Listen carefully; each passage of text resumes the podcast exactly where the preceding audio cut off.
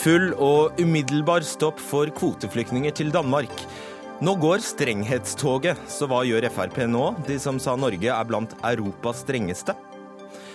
Forbrukerrådet hevder DNB har lurt kunder for 690 millioner kroner i gebyrer. Vi har bare fått åtte klager og ikke lurt noen, svarer storbanken i dag. Flyktningene skal snart selv rapportere hva de kan, sånn at de kan komme seg fort ut i jobb. Men etter det må de stille seg i de samme lange køene. Siden 50-tallet har sukkerindustrien sponset forskning som frikjenner sukker og legger skylda på fett for eh, hjerte- og karsykdommer. På fett for hjerte- og karsykdommer. Den feilen eksisterer fortsatt, både i forskningen og i kostholdsrådene våre, mener ernæringsforsker.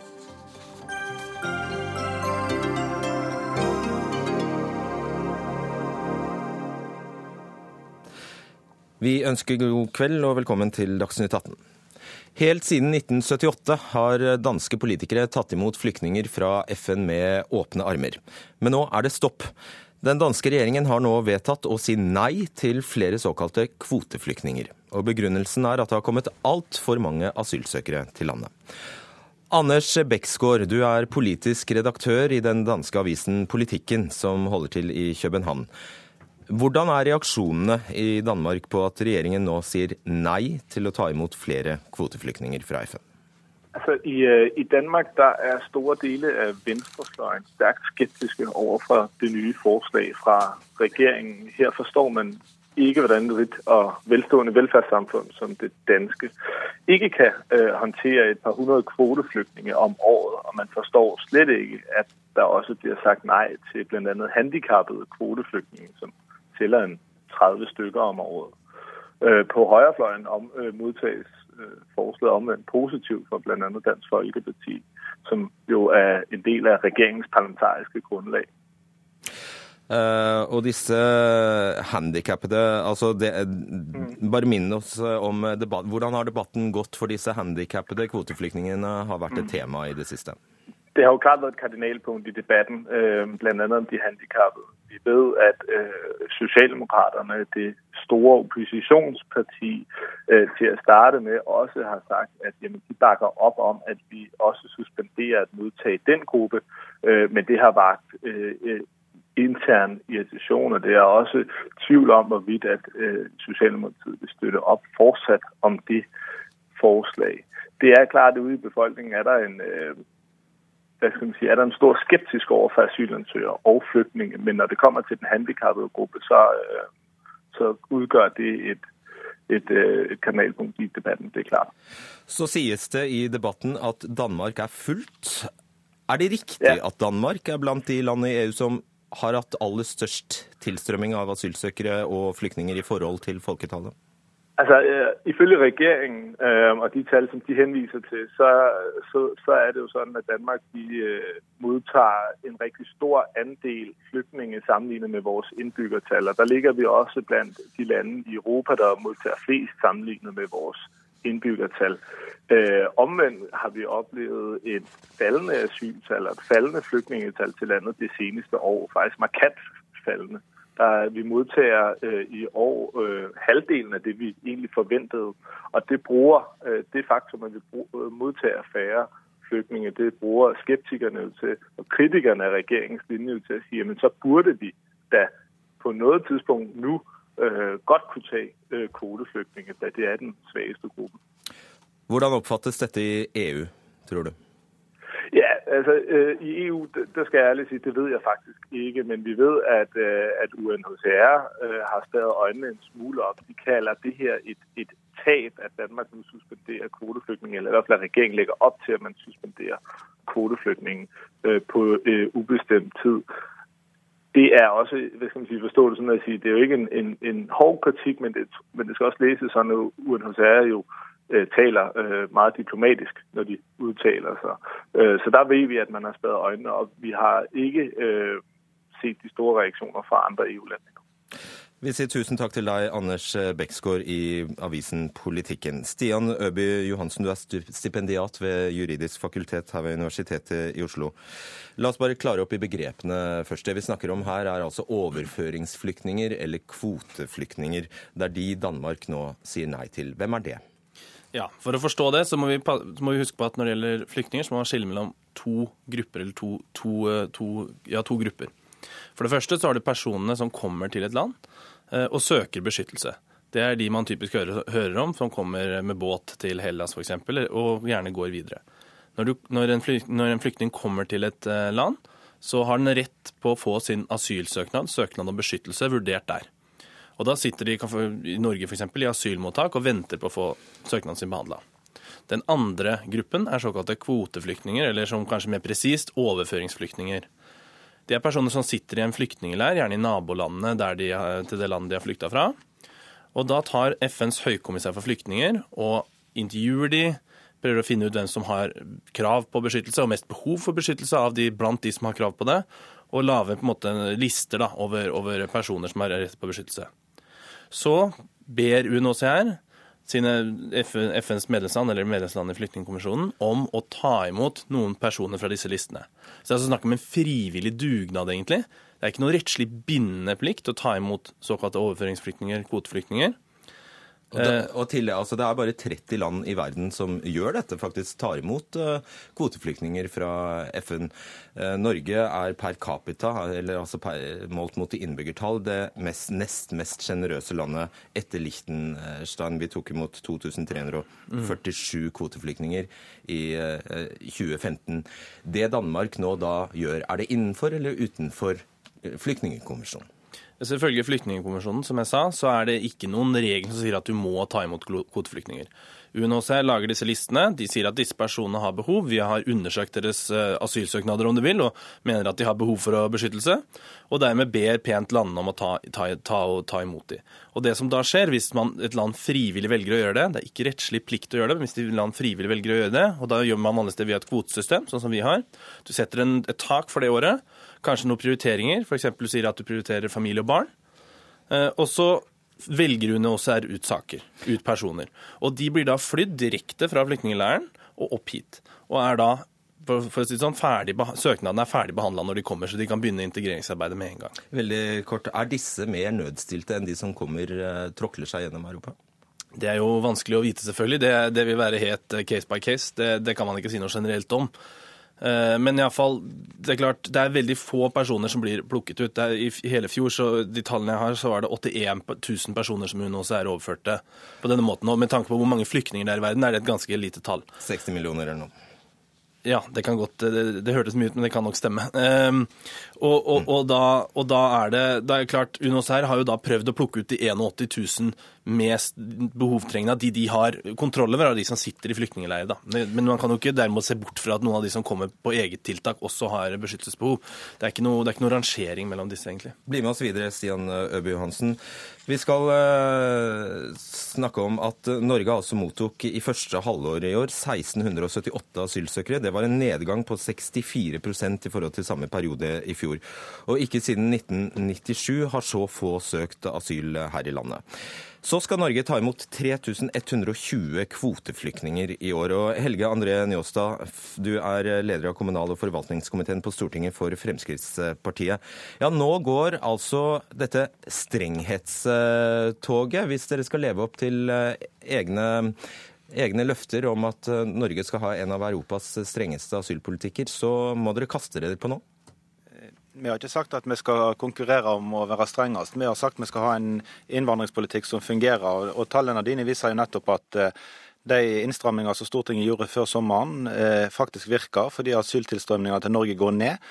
Eh, fordi at eh, i, i, vår har vi snakket om innstramminger på Stortinget. For, eh, I fjor så snakket man om å ønske flest mulig velkommen til, til Norge. og signal betyr, signal betyr, veldig masse. og Derfor så viser det nå at den linja som stortingsflertallet har om at vi skal være streng, har medført at det er kommet færre asylsøkere til Norge. og Derfor kan vi rette fokuset vårt nå inn på å integrere de som er kommet, og ha fokus på det før vi tar, tar på oss nye forpliktelser eller sender signal om at enda flere kan komme. Vi skal høre hva din partikollega og din parlamentariske leder Harald Tom Nesvik sa på en pressekonferanse i fjor høst da asylforliket ble presentert i Stortinget. På punkt etter punkt etter punkt så har Fremskrittspartiet nå fått gjennomslag. Og Når regjeringa nå leverer på disse tingene, så vil vi ha en av Europas strengeste eh, politikk eh, på dette feltet. Her hører du jo hva eh, Nesvik sier. Og når Danmark, et av våre aller nærmeste naboland, nå sier full stopp til kvoteflyktninger, hva sier du? Jo, jeg sier jo at eh, Det samme som i stad, det, det, er ikke noe annet Det da, da Nesvik sa i, i, i, fjor, når han forhandla fram eh, asylforliket og fikk de andre partiene til å komme i vår retning, så sa han at faktum nå er at vi er blant de strengeste i Europa. Det er vi fremdeles. Vi skulle gjerne ønsket at det var enda litt strengere, men da sørga Arbeiderpartiet bl.a. i Stortinget for at ikke de stemte for alt. Men fakta er at vi har en streng innvandringspolitikk som nå virker og gjør at asylstrømmene er mindre i år enn de var i fjor. Hva syns du om det de gjør i Danmark? Eh, jeg vil ikke legge meg bort i, i, i dansk politikk, eh, men jeg, jeg, har forståelse for at, eh, at man velger å, å, se på asyltilstrømninger opp mot hvor mange kvote, kvoteflyktninger man ser seg i stand til å ta imot. Fordi at begge disse gruppene skal integreres i, i det samfunnet de kommer til, på en god måte. Og det er begrensninger hvor mye kommunene både i Danmark og i Norge klarer å integrere på en god nok måte. og Derfor så kan man ikke ta imot rekordmange kvoteflyktninger samtidig som man har rekord asyltilstrømninger asyltilstrømminga. Det er nødt til å være en bærekraft i dette skal man kunne integrere på en god måte. og Det er derfor vi sier at av og til så kan vi ta imot flere kvoteflyktninger. Det gjorde vi i 2014 i lag med KrF og Venstre. Da økte vi med 500. Eh, men så kom den store tilstrømningen. og Derfor har vi sagt at vi vil være varsom med å øke det tallet ytterligere nå. Både fordi vi skal integrere på en god måte, men òg fordi at vi eh, ikke vil sende signal ut i verden. For. Eh, det er ikke alle ute i verden som ser forskjell på kvoteflyktninger og asylsøkere. og Er man positiv til ei gruppe, så blir det ofte oppfatta at da kan man eh, komme til grensa og, og, og, søke asyl i Norge. Skjønner. Geir Toskedal, stortingsrepresentant for eh, Kristelig Folkeparti. Hva tenker du om det du hører fra Danmark? Jo, jeg, eh, jeg, jeg tenker at uh, migrasjonskrisen og uh, den må løses internasjonalt. Den må løses i Europa, og FN er et av våre viktigste verktøy. Uh, Flyktningkommissæren driver et arbeid som vi bistår, og som er, har høy faglig kvalitet. Så eh, Det med kvoteflyktninger har vært det minst problematiske det er egentlig i samarbeidet med, med regjeringen. Det har vi forhandla opp nettopp for å, å, være sikre på at de som kommer, eh, de er blant de som trenger det mest, inklusiv funksjonshemmede. Det må, Forholdene må ligge til rette til de, for de i landet, og vi må, vi må, kunne ha råd til det. Så Jeg stusser jo på når Danmark på en måte trekker seg ut av dette internasjonale samarbeidet. Jeg håper at det bare er er noe som de snakker om. Fordi at eh, flyktningkrisen, 60 millioner på flukt, er så stor at eh, vi må ha råd til å se på flyktninger og kvoteflyktningsystemet. Mm, er, er det korrekt at uh, tallet flyktninger har gått betydelig ned, men eh, det skyldes nok ikke bare signaler fra Norge, det skyldes jo forholdene i Europa og ellers. Og, mm. og det kan snu. Så, så dette jeg er glad for at KrF er med i stortingsflertallet, der vi prøver å håndtere dette på en eh, best mulig måte. Jeg skal bare påpeke at det er eh, stort politisk flertall når sosialdemokratiet i Danmark eh, går inn for dette. Stort politisk flertall, slik at dette ser ut til å bli politikk der. Toskedal, din partileder sa senest under Arendalsuka at Norge bør ta imot flere kvoteflyktninger fordi asylstrømmen nærmest er, er borte. I praksis, når Danmark gjør dette, så betyr jo det at vi får deres kvoteflyktninger? Nei, det gjør jo ikke det. Vi har jo foreslått å øke kvoten i lag med andre partier, men i samarbeid med regjeringen. Så, så dette er ting vi har, har drøfta. Sist gang det var oppe, så var det vel 8000 i løpet av tre år. og Fremskrittspartiet så vidt jeg vet, var vel med opp til 7500. Så akkurat det med kvoteflyktninger er noe vi kan samarbeide med regjeringen om. Så eh, Antallet og over hvilke år, det har vi jo ikke gått ut med. Njåstad, eh, det er jo som, eh, som stipendiaten ved Juridisk fakultet Johansen påpeker her, helt innenfor flyktningkonvensjonen å ikke ta imot kvoteflyktninger. Så Norge kunne jo selvfølgelig også ha gjort det samme, men det er kanskje et moralsk spørsmål for deg? Hvor moralsk riktig kanskje for deg å ta imot ja, kvoteflyktninger? Men jeg må korrigere Toskedal før at ja, Du kan svare på spørsmålet. Altså. Ja, men vi var ikke, det var ingenting som tyder på at vi ville si ja til 7500. Så den, den misforståelsen må ikke få, få feste seg.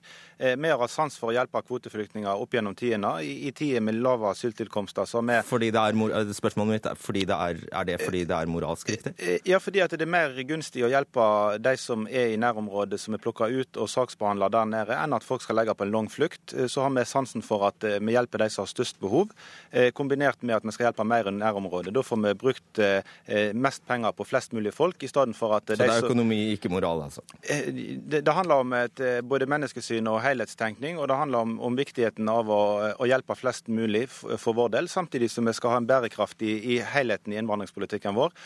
Pluss at det skal ikke være et system som gjør at man belønner de som legger ut på en farefull ferd, og de som klarer å komme seg fremst. Det skal ikke være eh, de som man skal hjelpe mest, man skal hjelpe mest de som har størst behov.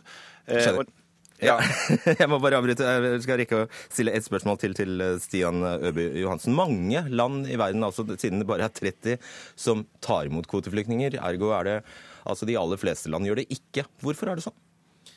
Nei, det, det er vel ikke noen spesiell juridisk grunn til det. Altså, det, er, det er jo et, det er jo på en måte, ses det på en måte tre løsninger på et flyktningproblem. Enten så kan man, eh, folk gå tilbake til de landene de flyktet fra når ting har roet, hvis, hvis, det er mulig, eller de kan bli integrert i det landet de har flyktet til, eller de kan da eh, sendes, overføres på denne måten. Og Det er ingen hemmelighet at overføringsflyktningandelen har gått mye ned, og at det har blitt en mindre vanlig løsning på flyktningproblemer rundt omkring. Eh, det, Som det ble nevnt her, så har jo det den negative konsekvensen at folk isteden drar på farefulle ferder frem til land de føler seg trygge i. Men, men, hva grunnen er til det, det er nok mer politisk enn et juridisk spørsmål. Nettopp. Og aller helt til slutt, eh, Toskedal, vær vennlig å svare svar litt kort på det. Du, dette kuttet vi spilte av med Harald T. Nesvik, der han altså sier at uh, Norge skal ha en av Europas strengeste asylpolitikker. Er du enig i det? Uh, nei, og jeg beklager den språkbruken, mens det, det fokuset det har vært Og fortsetter å støtte regjeringen? Vi støtter regjeringen, men vi vil påvirke med vår politikk, og vi deltar i stortingsflertallet om det. Hjertelig takk skal dere ha, Helge André Njåstad, Geir Toskedal og Stian Øby Johansen.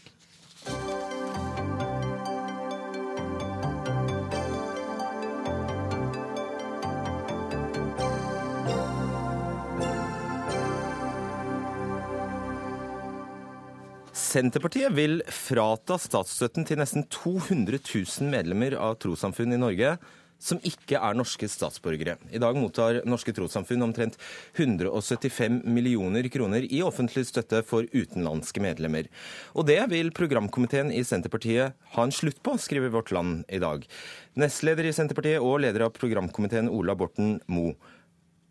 Hvorfor skal medlemmenes statsborgerskap være avgjørende for om trossamfunn i Norge skal motta penger eller ikke? Det er jo veldig viktig å understreke at dette ikke er et støtte til det enkelte individ, men det er støtte til organisasjoner. Så det eh, rammer ikke enkeltindivid. Det er punkt én. Punkt to Hvordan kan du vite det? Det er jo fordi at eh, støtta gis ikke til enkeltindivid, den gis til organisasjoner. Den gis jo, utregnes jo per hode. Ja, men den gis ikke direkte til individ. Så det er helt åpenbart uomtvistelig. Skal de få mer eller mindre penger, da? Da, da blir jo spørsmålet det. Nei, Vi mener at dette er en diskusjon om beregningsgrunnlaget. Der vi tar til orde for at istedenfor at det er sånn som i dag, der Norge finansierer da utenlandske statsborgeres religionsutøvelse i Norge, så er det rimelig at vi setter som sjangerkrav at man skal være norsk statsborger for å utløse den type tilskudd. Altså at det knyttes eh, rettigheter til statsborgerskapet i Norge. Det mener vi er positivt på mange vis. Eh, vi mener også at eh, de som bor i Norge over tid, bør søke å bli norske statsborgere. Borgere. Det fremmer integrering, det bedrer samfunnskontrakten. Det er en del av det å være norsk og det å bo i Norge. Så det her mener vi er et godt forslag. Men bare veldig kort, jeg får ikke grep om hvorfor. Og hvorfor vi ønsker å endre ja, tildelinga? Hvorfor? Jo, rett og slett fordi at i dag så er jo utregningsgrunnlaget eh, annerledes. I dag er utregningsgrunnlaget at man kan være utenlandsk statsborger, bo i Norge, og, den, og menigheten din får da tilskudd ut fra det. Vi ja. mener at eh, det skal være rett og slett på bakgrunn av at man er norsk statsborger. Det vil gi en noe annen dynamikk. Det vil gjøre det viktigere å være norsk eh, statsborger. Det mener vi er positivt, og det mener vi er bra. Og et tilleggsargument. Dette er jo en veldig gunstig ordning. Veldig få andre land som har så gunstige ordninger for å finansiere andres trosutøvelse i Norge. Det er en ordning det har vært mye juks med. Eh, og det her vil gjøre det lettere å kontrollere, og dermed å lettere å bevare legitimiteten for ordninga over tid i folket. Det er også et viktig og et relevant argument. Ok.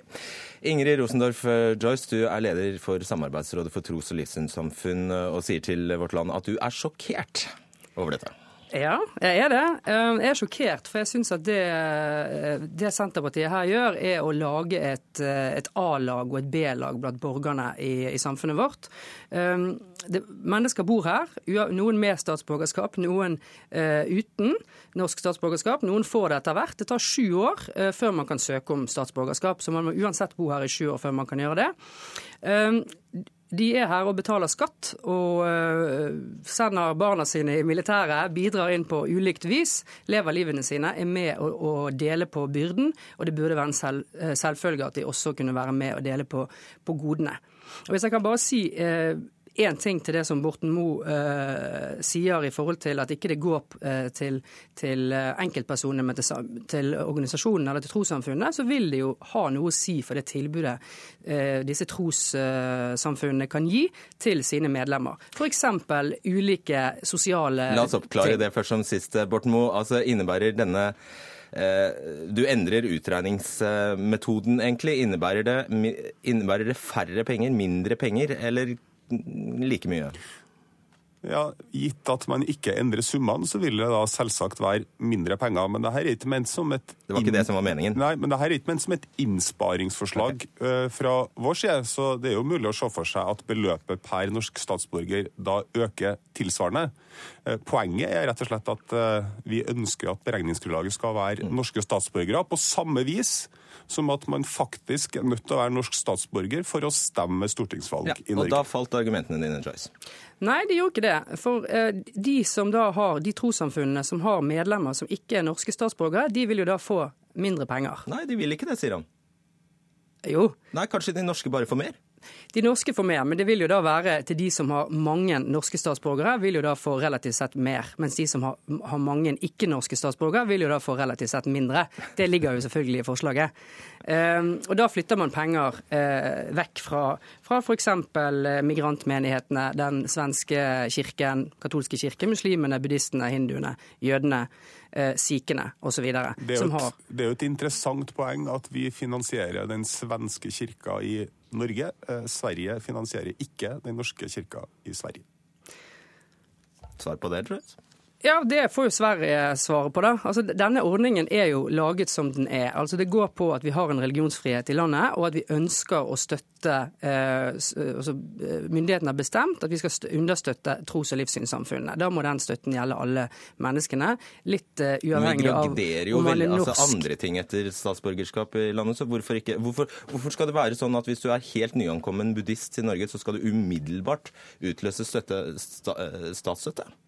Fordi at man ser på, på tros- og livssynssamfunnene som, som, gode samfunnsinstitusjoner, eh, og som også gode integreringsarenaer. Er det, er det derfor, er det det som ligger under Mo, at du ikke helt deler den analysen, at alle tros- og livssynssamfunn er veldig gode integreringsarenaer? Nei, vi vil rett og slett knytte flere rettigheter opp mot statsborgerskapet i Norge. Vi mener at statsborgerskapet er kanskje den viktigste grunnpilaren i samfunnskontrakten. At de som bor i Norge over tid, bør søke og eh, få norsk statsborgerskap.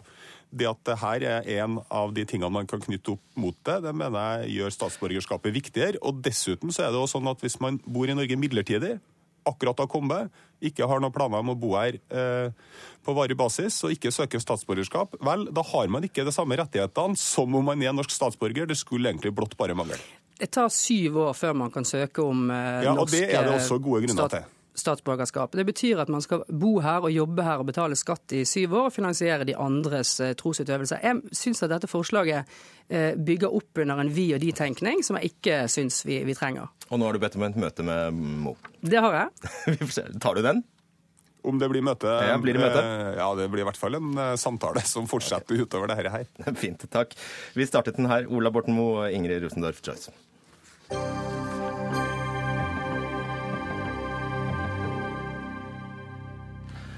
Bare åtte kunder har eh, klaget, og vi har ikke lurt noen. Det er en kort versjon av svaret DNB har sendt til Oslo tingrett i dag, etter at Forbrukerrådet i eh, juni stemnet banken i det som kan bli det største gruppesøksmålet i Norge noensinne.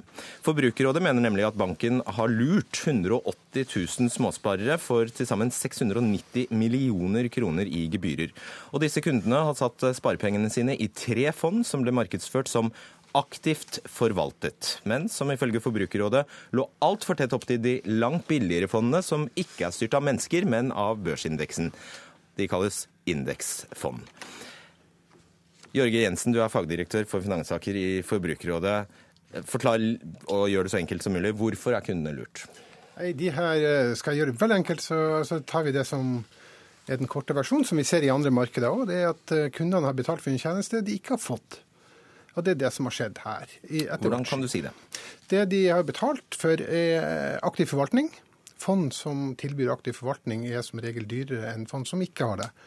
Eh, det vi ser på ved hjelp av måltallene som er normal å bruke for å se om et fond er aktivt eller passivt, viser at DNB Norge og de to andre, DNB Norge 1 og eh, DNB Avans 1, at de ikke er aktivt forvalta. Hva loves du når du kjøper et eh, fond som er aktivt forvaltet? Ja, det du blir lova, er at du har en, eh, si, en person på andre sida som kaster ut taperaksjer og plukker vinneraksjer på dette fondet. Hele tiden? Som skal gjøre at dine penger vokser mer enn hva det du kunne forvente at markedet uansett ville levert. Jeg spurte hele tiden, fordi ja, hele, spiller det en rolle? Det spiller en rolle hvor ofte man gjør dette? Det en rolle. Og Det er ikke sånn at du kan ta en liten pause fra aktiv forvaltning. og sånt, og det, Dette er også Finanstilsynet veldig tydelig på. Nettopp, for da er det plutselig ikke så veldig aktiv forvaltning? Nei, og dette, en av de tre fondene som vi har, har jo vært under uh, undersøkelse av uh, Finanstilsynet i 2014 og 2015. De kommer til en konklusjon som ligner svært mye på det som er vår. Og det har vært startskuddet for at vi har satt i gang den prosessen. Nettopp. Espen eh, Westerfeldt, informasjonsdirektør i eh, DNB. Eh, hva sa jeg? Espen Even, unnskyld. Disse fondene har kostet altså 1,8% å forvalte mot 0,3% ved bare å sette dem i et såkalt indeksfond. Hva gjorde dere med folks sparepenger som forsvarte den mye høyere prisen? Ehm, det har ikke bare sittet én forvalter og forvaltet disse pengene, det har sittet fire forvaltere og uh, forvaltet disse pengene. Som har møtt uh, selskaper, lest hundrevis av analyser, uh, gjort aktive valg, vurderinger om hvilke selskaper de bør putte inn og kaste ut. Og så er det jo blitt skapt et inntrykk i denne debatten at her er det nærmest en datamaskin som har sittet og plukket aksjer, akkurat som et indeksfond og at, pengene, eh, at, at kunden har tapt eh, penger. Men det er altså sånn at hvis du puttet inn 100 000 kroner i dette fondet for ti år siden, så sitter du igjen med 270 000 kroner i dag.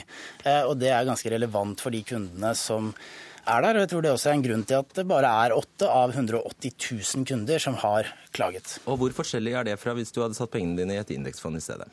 De beregningene vi har gjort nå, viser jo at eh, to tredjedeler av disse 180 000 kundene har kommet bedre ut av det med den forvaltningen vi har levert, enn med et indeksfond. Nei, de har fått en meravkastning. De har fått eh, totalt sett på de ti årene 4,3% Oi, Det høres mye ut, men hvis du deler 4,3 var det det du sa? 4,3% på ti år, så er det 0,43% i året? Over indeksen, ja. Og da må vi se på hva det er vi har lovet kundene. Da må vi se på hva vi har lovet kundene. Og, og, det er viktig, det er, viktig er å, å, på en måte være helt ærlig på at i de ti årene som Forbrukerrådet først så på, så har vi levert meravkastning utover indeks. Og når vi fortalte Forbrukerrådet det, som i sine teorier sier at det ikke er mulig, så endret jo da Forbrukerrådet tidsperiode, og så sa de på de fem dårligste årene. Og der er vi selvfølgelig ikke fornøyd med avkastningen. Men aktiv forvaltning er jo ikke aktiv i fem år og passiv i fem andre år. Det er aktiv forvaltning Nei, hver dag på, hele året. Ja, og Da må vi se på hva er det vi har lovet kundene. Vi har lovet kundene at de skal få et fond med et bredt sammensatt av de store selskapene på børsen. Vi har ikke lovet dem et spisst fond som skal ta høyest mulig risiko hele tiden. Og det har vi levert. Det stemmer som Westerfeld sier her, at uh, da dere oppdaget at uh, når dere brukte et visst årsintervall, så, uh, så, ble det ikke fullt så store utslag. Og så endret dere rett og slett grunnlaget for søksmålet? Ja, altså endre grunnlaget. Vi hadde et søksmålsvarsel, så dette følger jo vanlige rettslige prosedyrer. Vi hadde et søksmålsvarsel i januar hvor vi tok utgangspunkt i ti år. Og Så skrur vi på saken. Vi spisser saken og skjærer den til for at den skal bli behandla i retten, og kommer til fem år, som er akkurat det samme intervallet som Finanstilsynet. Hvorfor begynte dere med ti da? Fordi Det som er, er, utgangspunktet er jo for oss, og for å skjære til saken sånn at den blir logisk og, og også blir enklere å formidle i en, en rettssak, så bør vi ha en periode hvor det finnes, hvor DNB har et indeksfond. Og De ti årene som egentlig ikke er en del av saken, fordi det ikke er det den stevner på. Der er, har ikke DNB et indeksfond. Det er jo en del av saken, så for det har vært kunder det, som har vært inne i ti år. Dere hadde ikke indeksfond i, i årene før 2010. Det ble lansert i 2010. Så Derfor er, utgangspunktet. Men la meg bare få si hva er det DNB har solgt. Kundene har i hvert fall ikke kjøpt fire DNB-ansatte som skulle sitte og lese og gå i møter. Det er ikke det vi har betalt for. Kundene har betalt for at du skal ta ut aksjer som gjør det dårlig, og kjøpe opp aksjer som skal gå bra. altså Såkalte vinneraksjer. Og Det er det som er aktiv forvaltning for oss. DNB her later som om at eh, aktiv forvaltning er at de har møte til deltakelse av fire personer, som i tillegg til å forvalte disse tre fondene, har ytterligere flere fond som de forvalter. Så det, det, er ikke det som er aktiv forvaltning, og det tror jeg også DNB vet. Mm. Jeg tror at Forbrukerrådet skulle ønske at det fantes en sånn regel med et minste nivå av risiko, og at alle sammen, alle fond i markedet måtte ta så mye risiko. Det fins ikke. Det fins ikke prospektene for dette fondet. Finanstilsynet har ikke sagt det. Svenske myndigheter har vurdert om det bør finnes, eh, og sagt at det er ikke hensiktsmessig. Hvorfor det? Jo, fordi hvis vi hadde gjort som Forbrukerrådet sier, så er det mest sannsynlig at kundene hadde tapt på det. Fordi da måtte vi satset på mindre og mer risikable selskaper på børsen. Og de har utviklet seg dårligere i disse fem årene. Okay. Så spørsmålet er mest mulig risiko eller kundenes interesse først. Eh, bortsett fra at eh, det var 70% sammenfall mellom aksjene som eh, ble investert av de aktive forvalterne, og et vanlig indeksfond. Tilfeldig neppe. Det som er for, Med de aktuelle fondene vi har her, så er det da 88% av de aksjene som står i disse fondene, er de samme som i indeks gjennom denne femårsperioden som vi har lagt til grunn. Og så må jeg bare følge til. er det er mange som har studert eh, aktive og passive fond i det siste. Vi har tilsynet i Norge, vi har tilsynet i Danmark, vi har det europeiske finanstilsynet, og så har vi analysebyråene. Og det er ingen som finner et fond som, så, som gir seg ut for å være et aktivt okay. fond, men er så lite aktivt som dette konkrete fondet, disse konkrete fondene. Greit, veldig kort. Ifølge Forbrukerrådet så er jo to tredjedeler av norske fond skapindeksfond. Så det vi er med på, og som jeg tror egentlig dette handler om, er en debatt om hvordan vi kan få kjøreregler for hva som er aktiv forvaltning. Men det å se bakover og si at vi har et krav til å stille kundene som om de hadde investert i et indeksfond, når de faktisk har fått meravkastning for aktiv forvaltning, det blir feil. 0,43% per år. Ok, eh, Vi setter strek der, så blir det spennende å se om det i det hele tatt blir en rettssak av det. Det skal avgjøres eh, snart. Takk skal dere ha, Espen eh, Nei, Even. Hva er det jeg driver med? Even Westerfeld og Jørge Jensen.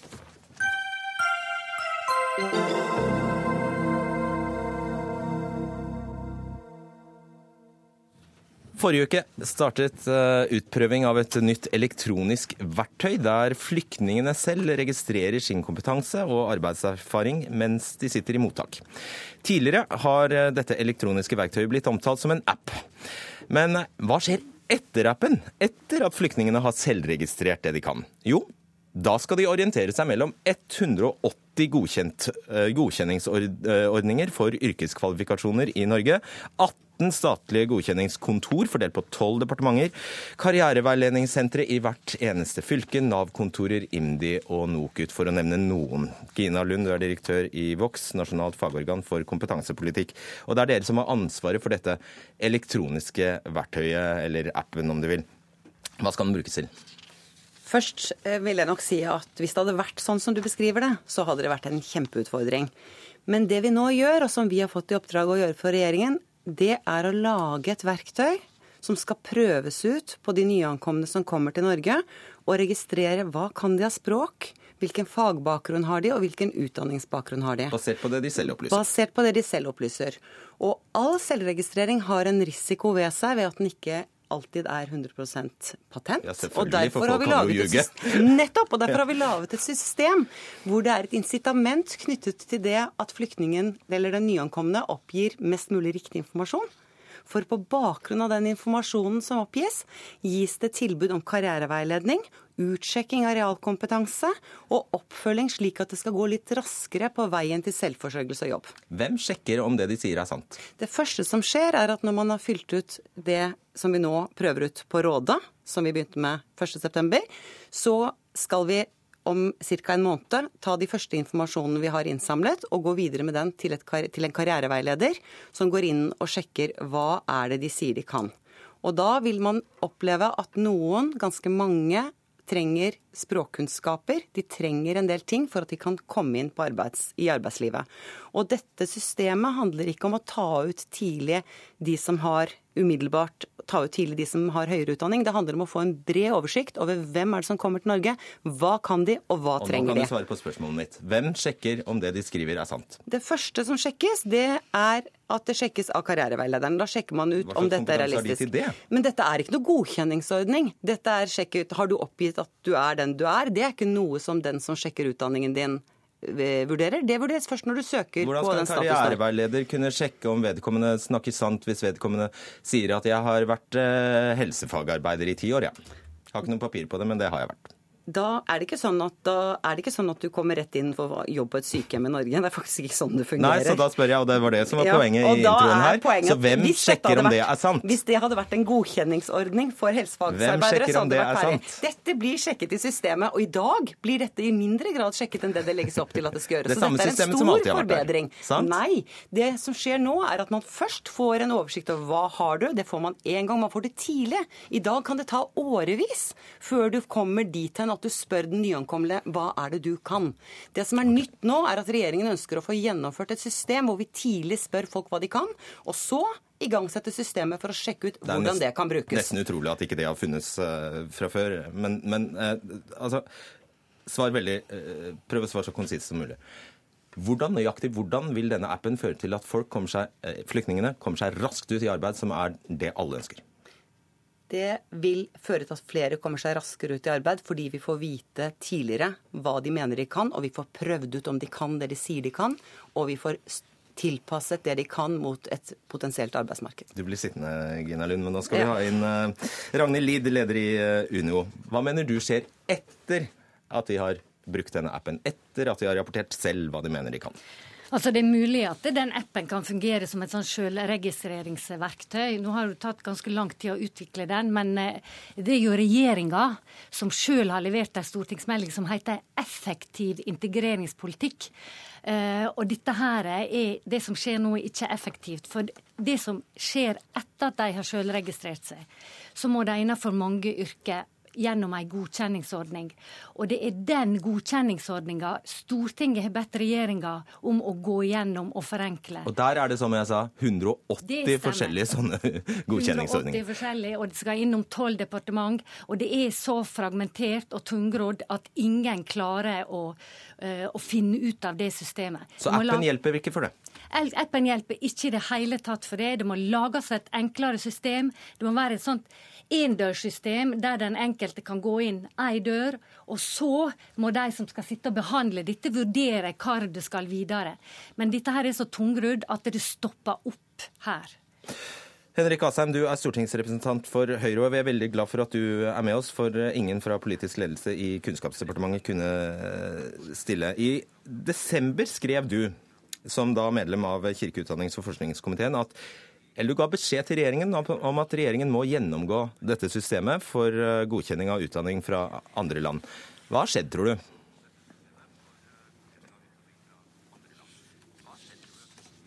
Ja, det må ja, det er Teknologien står oss ikke bid. Altså, Henrik Asheim er med oss um, fra Danmark uh, på uh, forsøksvis. Vi skal ringe deg opp, Henrik Asheim går da til deg, eh, Inger Lise Blyverket, direktør for forhandlinger og arbeidslivspolitikk i Virke, men også styremedlem i NOKUT, som da er nasjonalt organ for kvalitet i utdanninga, som altså er de som er satt til å godkjenne utenlandske utdanninger i, i, i Norge. Eh, mener du denne appen er Hva mener du om denne appen? Det er ikke så lett å mene så veldig mye om denne appen eller denne selvregistreringsordningen all den tid den ikke er etablert ennå, men bare under forsiktig utprøving. Men det jeg mener noe om, det er jo det politiske ansvaret da, som regjeringen har for å sørge for at Eh, vi skal få flere av de flyktningene som har kommet nå, raskere over i arbeidslivet. Og Det er det som overrasker meg mest. Altså, i, For et år siden så satt partene i arbeidslivet og regjeringen ved arbeidsministeren sammen, og vi var i fellesskap sterkt bekymret over den store flyktningetilstrømmingen. Vi diskuterte på hvilken måte arbeidslivet skulle kunne være en god arena for integrering. Og vi var også enige om at mange av de flyktningene som kom, antageligvis ville kunne komme raskere over i arbeid enn det som har vært vanlig vanlig tidligere. Eh, så ble partene enige om en felles erklæring med et såkalt hurtigspor inn i arbeidslivet for en del flyktninggrupper. En forutsetning for dette hurtigsporet inn i arbeidslivet er selvfølgelig at flyktningene får sin kompetanse kartlagt. Og Det er jo det som er min utfordring. Jeg var bekymret den gangen for at eh, statsforvaltningen ikke klarte å stokke beina og, og passe på sine egne revir og ikke samordne seg, og jeg har fått rett. Fordi denne appen hjelper ikke for, eh, for det du snakker om nå? Er det det du Nei, det er en selvregistrering, men det finnes jo andre systemer som må tas i bruk. Og jeg har jo gitt uttrykk for at eh, for en god del arbeidsgivere så er de faktisk interessert i å åpne døra. Vi har hatt en viss tilstrømming, kanskje overraskende stor til Virke, og arbeidsgivere hos oss som sier at de vil bidra. Men de trenger å få vite noe om flyktningenes kompetanse for å tørre å ta sjansen. Og da hjelper det ikke at de har selvregistrert et eller annet? Nei, men, de, men det hjelper hvis vi kan få et system for kvalifikasjonsvurdering. For jeg syns at vi også her bør diskutere forskjellen på at noe trenger et godkjentstempel. Det er det Ragnhild Lid har vært opptatt av. En god del yrker trenger et godkjentstempel. Men det er også en del yrker og jobber hvor man ikke trenger et et godkjentstempel, men hvor arbeidsgiver trenger å få vite noe om eh, høyeste oppnådde kvalifikasjon, hva slags språk du kan, og hvor mye arbeidserfaring du har. Det systemet har NOKUT utviklet. Det systemet har NOKUT utviklet, og jeg syns det er så overraskende at ikke vi kan rulle ut det. Og det kan gjerne komme i tillegg til den selvregistreringen, men selvregistrering er ikke løsningen. Henrik Asheim, da skal du være med. Ah, ja, du, ser, jeg ser deg, Gina Lund. Eh, Henrik Asheim, eh, som sagt, eh, du har gitt beskjed, regjeringen beskjed om at de må gjennomgå dette sinnrike systemet for godkjenning av utdanning fra andre land. Hva tror du har skjedd? Nei, Det som har skjedd, er jo nettopp det man nå har satt i gang med en pilot i Rådet. Og det er jo å si, altså Regjeringen følger nå det samme tempoet som de før sommeren oppga at de skulle følge. Og det vi gjør nå, det er at Når en flyktning kommer til et mottak, så registrerer vi hva de faktisk kan. Eh, og Så får de da veiledning videre til det. Men vi har det de også, det er verdt å få med seg i forhold til det Blyverket sier, vi har styrket NOKUT med 23 millioner kroner. Ja, naturligvis. Altså på et eller annet, altså husk på at De som kommer inn i disse mottakene, noen av dem kommer jo ikke akkurat inn der med dokumentene sine fra universitetet. De kommer dit som flyktninger. og Da setter vi oss ned og så spør vi hva er det du kan, hva har du jobbet med, hvilken utdanning har du. Så får de veiledning av uh, yrkesveiledere som hjelper dem videre i systemet. Og vi har nå også da registrert sånn at de har på en måte en ferdig CV. Så når de går inn i dette systemet som man snakker om at det er litt forvirrende, så har de all dokumentasjon på plass. Og så får de da hjelp til å få dokumentert den kunnskapen kunnskapen de har. Derfor har vi også styrket NOKUT med 23 millioner kroner for å hjelpe dem med å kartlegge hvilken formell kompetanse de faktisk har. Okay. Ragnhild, dette høres jo ikke verst ut? Ja, altså Det er ikke tvil om at denne appen sikkert vil fungere til det første skrittet. Men det er jo som Inger Lise Blyverk er inne på, her er det to ulike grupper. Det er de som kan hjelpes videre da, inn i arbeidslivet til et yrke som ikke krever formell kompetanse. Men her er også mange med verdifull kompetanse som samfunnet vårt trenger, som venter på en godkjenning av kompetansen sin. Derfor har Stortinget bedt regjeringa, Stortinget med Asheim, bedt regjeringa om å gå gjennom dette systemet og se på hvordan det kan forenkles. Det er her vi etterlyser at det skjer noe. Så lenge det ikke skjer noe her, så går de seg vill, eh, disse søkerne. Og ditt svar er en app, eh, Asheim? Nei, altså jeg er helt enig i det. og Det er grunnen til at vi fra Stortinget var veldig tydelige på nettopp det at du har 170-180 forskjellige instanser osv. At dette må ryddes opp i. Men jeg syns det blir litt sånn billig også fra de andre partene å si at nei, men dette er bare en app. Det er jo selvfølgelig ikke det. Det er et helt ny praksis. Det som skjer er at Når du kommer som flyktning, så får vi da veldig raskt kartlagt hva du kan. Ikke bare formelt, men også hva du har jobbet med. Og så er det altså sånn at når vi fikk denne flyktningstrømmen til Norge, så opplevde vi at mange aktører ønsket å bidra. Og Da er det politikernes oppgave av og til å sile hvilken aktør som skal gjøre hva. Vox er den aktøren som er best på nettopp å kartlegge hvilken kompetanse voksne mennesker har. NOKUT har en annen rolle, og da er det slik vi har valgt å organisere denne gangen. Blyverket, nå må det være, Jeg får beskjed av vaktsjef om at vi må avrunde her. Men eh, NOKUT er altså, altså I dag får, vi opplyst at det er fire måneders ventetid for, eller saksbehandlingstid for uh, syrere. Og la oss si at det er en helsefagarbeider da, fra, fra Syria, eh, en sykepleier f.eks., så må vedkommende først stå i den køen, og så i, eh, hos Helsedirektoratet for å få godkjent selve, eller for å kunne jobbe på et norsk sykehus eventuelt til slutt. Eh, så dette tar tid uansett, og det vil tatt tid uansett. Ja, Det er ikke noen tvil om det. og det er klart at vi, Den type yrker som krever godkjenning og autorisasjon, det kan vi på en måte ikke tulle med. Det er klart at Vi vil vite hva, hva den sykepleieren eller den legen faktisk har i bagasjen før vi, vi, slipper den inn i norske sykehus eller på norske helsesentre. Men det jeg er opptatt av, og som jeg ikke helt skjønner at eh, Henrik Asheim svarer på, det er jo at vi har altså en, en annen modell som NOKUT også har utviklet, med sin kompetanse på godkjenning av utenlandsk utdanning, og også sjekke om både papirer og mennesker snakker sant. Og den godkjenningsordningen skulle jeg ønske at Henrik Asheim var like opptatt av som han er av den selvregistreringen, fordi den gir økt økt kvalitet i det vurderingssystemet. Karriereveilederen med all respekt å melde har ikke den kompetansen. NOKUT har den. Og Jeg oppfordrer både Henrik Asheim og for så vidt alle andre til å gå til statsråden, kunnskapsministeren, som da ikke ville møte oss her, og si at vær så snill, sette i gang den vurderingsordningen, så har vi i hvert fall ett enkelt og virkningsfullt verktøy på plass. Ok, Det ble tre mot én her, Gina Lund, så du skal få avslutte veldig raskt. Ja, fordi nå har vi faktisk et system som jeg tror vi ikke skal være så veldig uenige om, er den første praksisen hvor man systematisk har begynt å kartlegge kompetansen. Så kan den perfeksjoneres, og Vox gjør dette i samarbeid med UDI og med IMDi og med NOKUT. Så alle aktørene er inne. Men dette, det vi lager nå, er ikke en app, men det er en samla løsning for å begynne et lengre løp og få bedre oversikt og bruk av de nyankomnes kompetanse. Takk skal dere ha. Gina Lund, Ragnhild Lid, Henrik Asheim og Inger Lise Blyverk.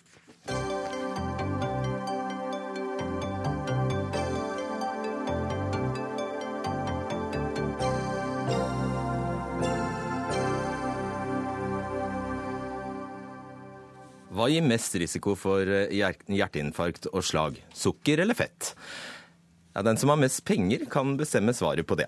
Nå har en ny amerikansk studie dokumentert hvordan sukkerindustrien betalte forskere for å legge mindre vekt på sammenhengen mellom sukker og hjerte- og karsykdommer, slik at det var fettet som fikk skylda.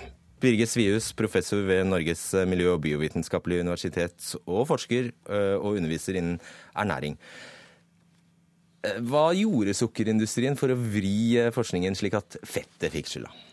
Det som nå er blitt dokumentert, eh, det var at industrien gjennom en, en interesseorganisasjon finansiert av industrien prøvde å påvirke en forsker eller en gruppe av forskere til å, til å komme til bestemte konklusjoner i en oversiktsartikkel som diskuterte om sukker kunne føre til hjerte- og karsykdommer.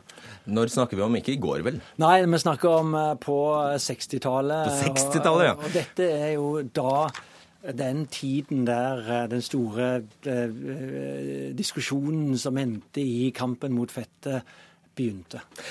Ja, eh, Vi snakker om Sugar Research Foundation. Eh, de skal altså ha betalt 50 000 eh, dollar, som den gangen sikkert var masse penger, for en toneangivende ernæringsstudie som frikjente sukker, samtidig som de samme forskerne påvirket de amerikanske kostholdsrådene, hvor fett da ble utpekt som synderen. Og du mener at her har det oppstått en følgeforskningsfeil. Altså All forskning etter det er påvirket av denne forskningen.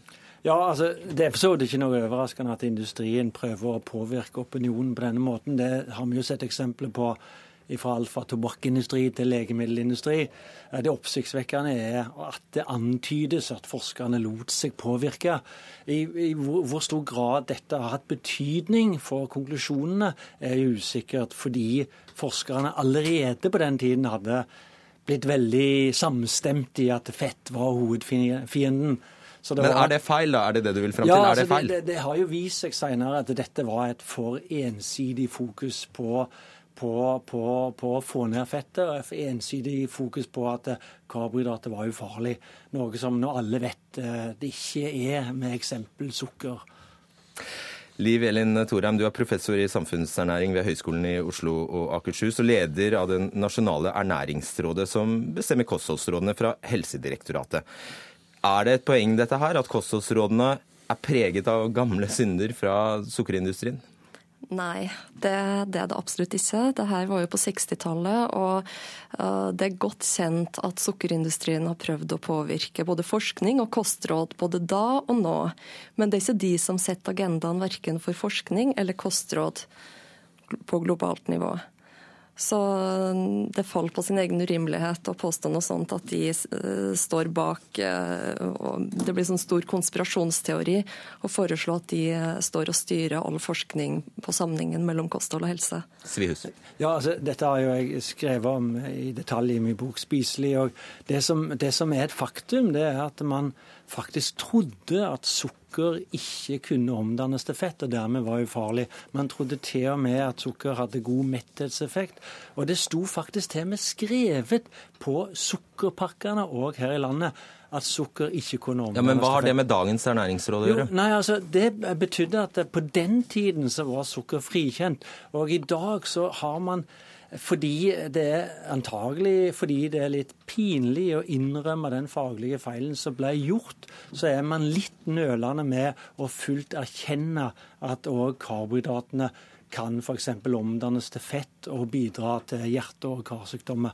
Og Derfor så har man f.eks. Et, et veldig er det høyt ideal for karbohydratinnholdet i kosten. Skal spise mye brød her i landet. Ja, man skal spise veldig mye brød. Og det er jo slik, eh, Torheim, at eh, kostholdsrådene lyder ha et variert kosthold med mye grønnsaker, frukt og bær.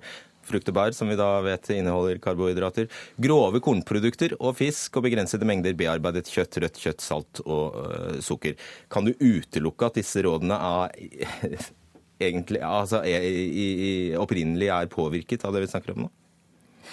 Ja, altså Som sagt så prøver jo industrien å påvirke. Um, uh, og Da er det viktig å ha uavhengige forskere som står imot. Og Tidligere så ble kostråd i større grad utarbeida basert på ekspertuttalelser. Men måten man utarbeider kostråd på nå, er at man går gjennom all forskning på f.eks. sammenhengen mellom frukt og sykdomsutfall, frukt og helse. Så går man gjennom den forskninga på en systematisk og, og, gjennomsiktig måte. Og så finner man konklusjonen om, om det har positiv effekt på f.eks. hjerte- og karsykdom. Og da er det overbevisende dokumentasjon for at frukt reduserer risiko for hjerte- og karsykdom. Ok, La oss ta brød, da. Eh, og la meg stille det spørsmålet til eh, Svius. Kan du få hjerteinfarkt av å spise for mye brød? Ja, det kan du absolutt. Det er stivelsen til brødet som er problemet der. Og Poenget mitt er at kostholdsrådene har allerede endret seg. Det er bra. Eh, det er nå ikke så, så høye ønsker om et høyt karbohydratinnhold i kostholdet som det var før. Så kostrådene er på vei i riktig retning òg i forhold til diabetes. Men det går oppsiktsvekkende sakte. Og mitt poeng er at dette tror jeg har litt med de faglige feilene som er gjort på 60-, 70- og 80-tallet å gjøre. Jobber dere aktivt for å hindre at forskning eh, dere legger til grunn for kostholdsrådene er påvirket av kommersielle aktører, eh, Torheim? Ja, selvfølgelig. Eh, man må jo altså, man må, All forskning som blir gjort i dag, i motsetning til på 60-tallet, eh, må man oppgi hvem som har finansiert forskninga. Sånn at det er jo et, eh, et sjekkpunkt. Og, og når man ser på de kostrådene som gis, så er det jo veldig stor eh, vekt på råvarer som er ikke-industrielt eh, fremstilt. Så da, hvis industrien hadde stått bak kostrådene, så hadde jo de eh, sannsynligvis sett ganske annerledes ut. Vi kan se på USA. Der ble det foreslått fra vitenskapelig ekspertkomité å anbefale redusert inntak av kjøtt. Kjøttindustrien eh, påvirka da sannsynligvis helsemyndighetene, som, eh, som, eh, ikke tok med et sånt mm. råd. Sånn at industrien vil prøve å påvirke. Jeg kan med hånden på hjertet si at i Norge så er det forskere og eksperter som utvikler kostrådene basert på den vitenskapelige sammenhengen mellom helse og kosthold. Ok, og I dag har vi lært at du kan få hjerteinfarkt av brød. Pass deg for brød. Takk skal dere ha. Birger Swies og Liv Elin Tore. Som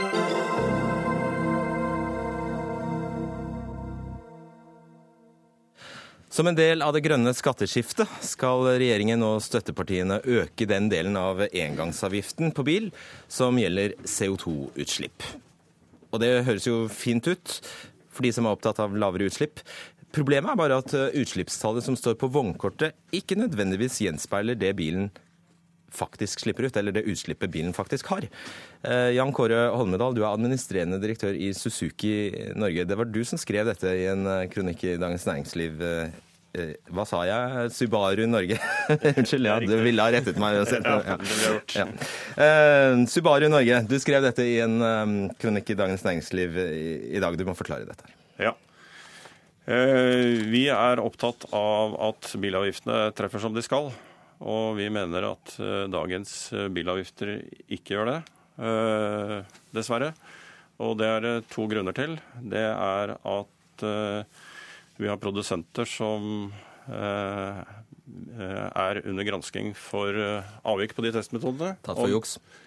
Under gransking. Det er en som er tatt for juks. Eh, og vi mener at dagens testmetoder er utdaterte. De er 20 år gamle. Og da mener du konsekvensen av det er at man legger alle slike planer om å, å legge på CO2-avgiften på is, eller? Vi er helt eh, enig med regjeringen og Limi her sånn om at eh, å gå på CO2-komponenten er riktig vei. Det er vi helt enig i. Vi mener at eh, den varslede endringen for 2017 bør utsettes til ny testmetode er på plass. Og Det er varsla allerede i 2017, så vi snakker om noen måneder. Og nye testmetodene treffer bedre enn dagens. Hans Andreas Limi, stortingsrepresentant for Frp og medlem av finanskomiteen. Eh, det høres jo fornuftig ut. å vente litt. Nei, Jeg tror det er viktig å, um, å, skille litt her. Eh, for det første så ønsker Fremskrittspartiet å redusere bilavgiftene. Og vi har fått med de andre partiene på en endring i engangsavgiften. Som betyr at eh, effektavgiften er halvert, skal helt bort neste år. Og vektkomponenten er redusert, og CO2 skal skal kompensere noe for det. Så Det betyr altså at eh, det gjøres enklere og billigere for folk flest å kjøpe ny bil. Og Det er Venstre blant annet som har fått, eh, som, eh, som dere har inngått dette kompromisset med, og der er jo selvfølgelig en av beveggrunnene miljø. Ja, og vi har vært enige om det. Og det, er, og det er miljø, og det er viktig å tenke på lokal forurensning. ikke sant? Altså Det er det bilen slipper ut som egentlig skal være Ja, Men da er jo poenget til Holmedal at hvis det, ikke gjelder, hvis det, ikke, ja, hvis det er juks ute og går, så ja, har det ikke noe for seg. Det, det er jo der det er viktig å skille. Eh, for det hevdes at disse testmetodene de er mangelfulle, og det er helt sikkert riktig. Og Derfor så kommer det nye testsykluser, og de, de kommer i 2017 og innføres i 2018 mest sannsynlig. Eh, det betyr at per i dag og i et nytt system så behandles alle likt. Det er, det er ikke noe forskjellsbehandling. Alle biler testes på samme måten. Men så er det noen som har jukset, og vi kan ikke la være å gjennomføre fornuftige avgiftsendringer fordi at noen jukser. De blir tatt, de er under granskning, og de blir tatt, og de må rydde opp. Uh, det vesentlige her er jo om det faktisk jukses også med CO2-utslipp. Altså det er jo Volkswagen ble takt for eh, utslippsjuks med NOx. Hva ja. tror du? Tror du det jukses med CO2-utslipp? Jeg tror det er eh, ganske allmenn enighet om at de som har satt seg inn i de testmetodene, er enige om at det i hvert fall tilpasser seg til metodene. Dagens metode jo, går jo på en snittfart på litt over 30 km og varer ca. en mil. og Det sier seg sjøl at med dagens bilpark og de veiene vi har i dag, så er det helt utdaterte tester. Og vi har jo teknologi som eh, blir belønna. De ladbare bilene eller plug-in har jo tredobla salget sitt i forhold til fjor. Og de jo, går jo nesten hele den testen på elmotoren, og det gjør de jo ikke i virkeligheten. Så om de er miljøvennlige eller ikke, er jo veldig avhengig av om at de lades og går på el. Da, hvis dette stemmer, så er, jo, jo hele, så er tiltaket helt fåfengt. Men, men, eh, jeg er enig i det i, i, konklusjonen. Og så er det faktisk sånn, og det viser altså Tøys undersøkelse, Transportøkonomisk institutt, at det er faktisk bare 22% av de daglige reisende som er over uh, 20 km. Gjennomsnittsreisen er på 15 km. Det betyr at de ladbare hybridbilene de kan kjøre utmerket på batteri, frem og tilbake til jobb, innom barnehagen på skolen, altså i det daglige, som igjen betyr lavere, mindre forurensning i det lokale miljøet. Du ga oss i hvert fall noe å tenke på, eh, Holmedal. Takk skal du ha for det. Jan eh, Kåre Holmedal, administrerende direktør i Subaru Norge, og Hans Andreas eh, Limi fikk avslutte denne Dagsnytt 18-sendingen. Det var Fredrik Lauritzen som var vaktsjef i dag. Finn Lie var tekniker, og jeg heter Fredrik Solvang. På gjenhør og gjensyn i morgen.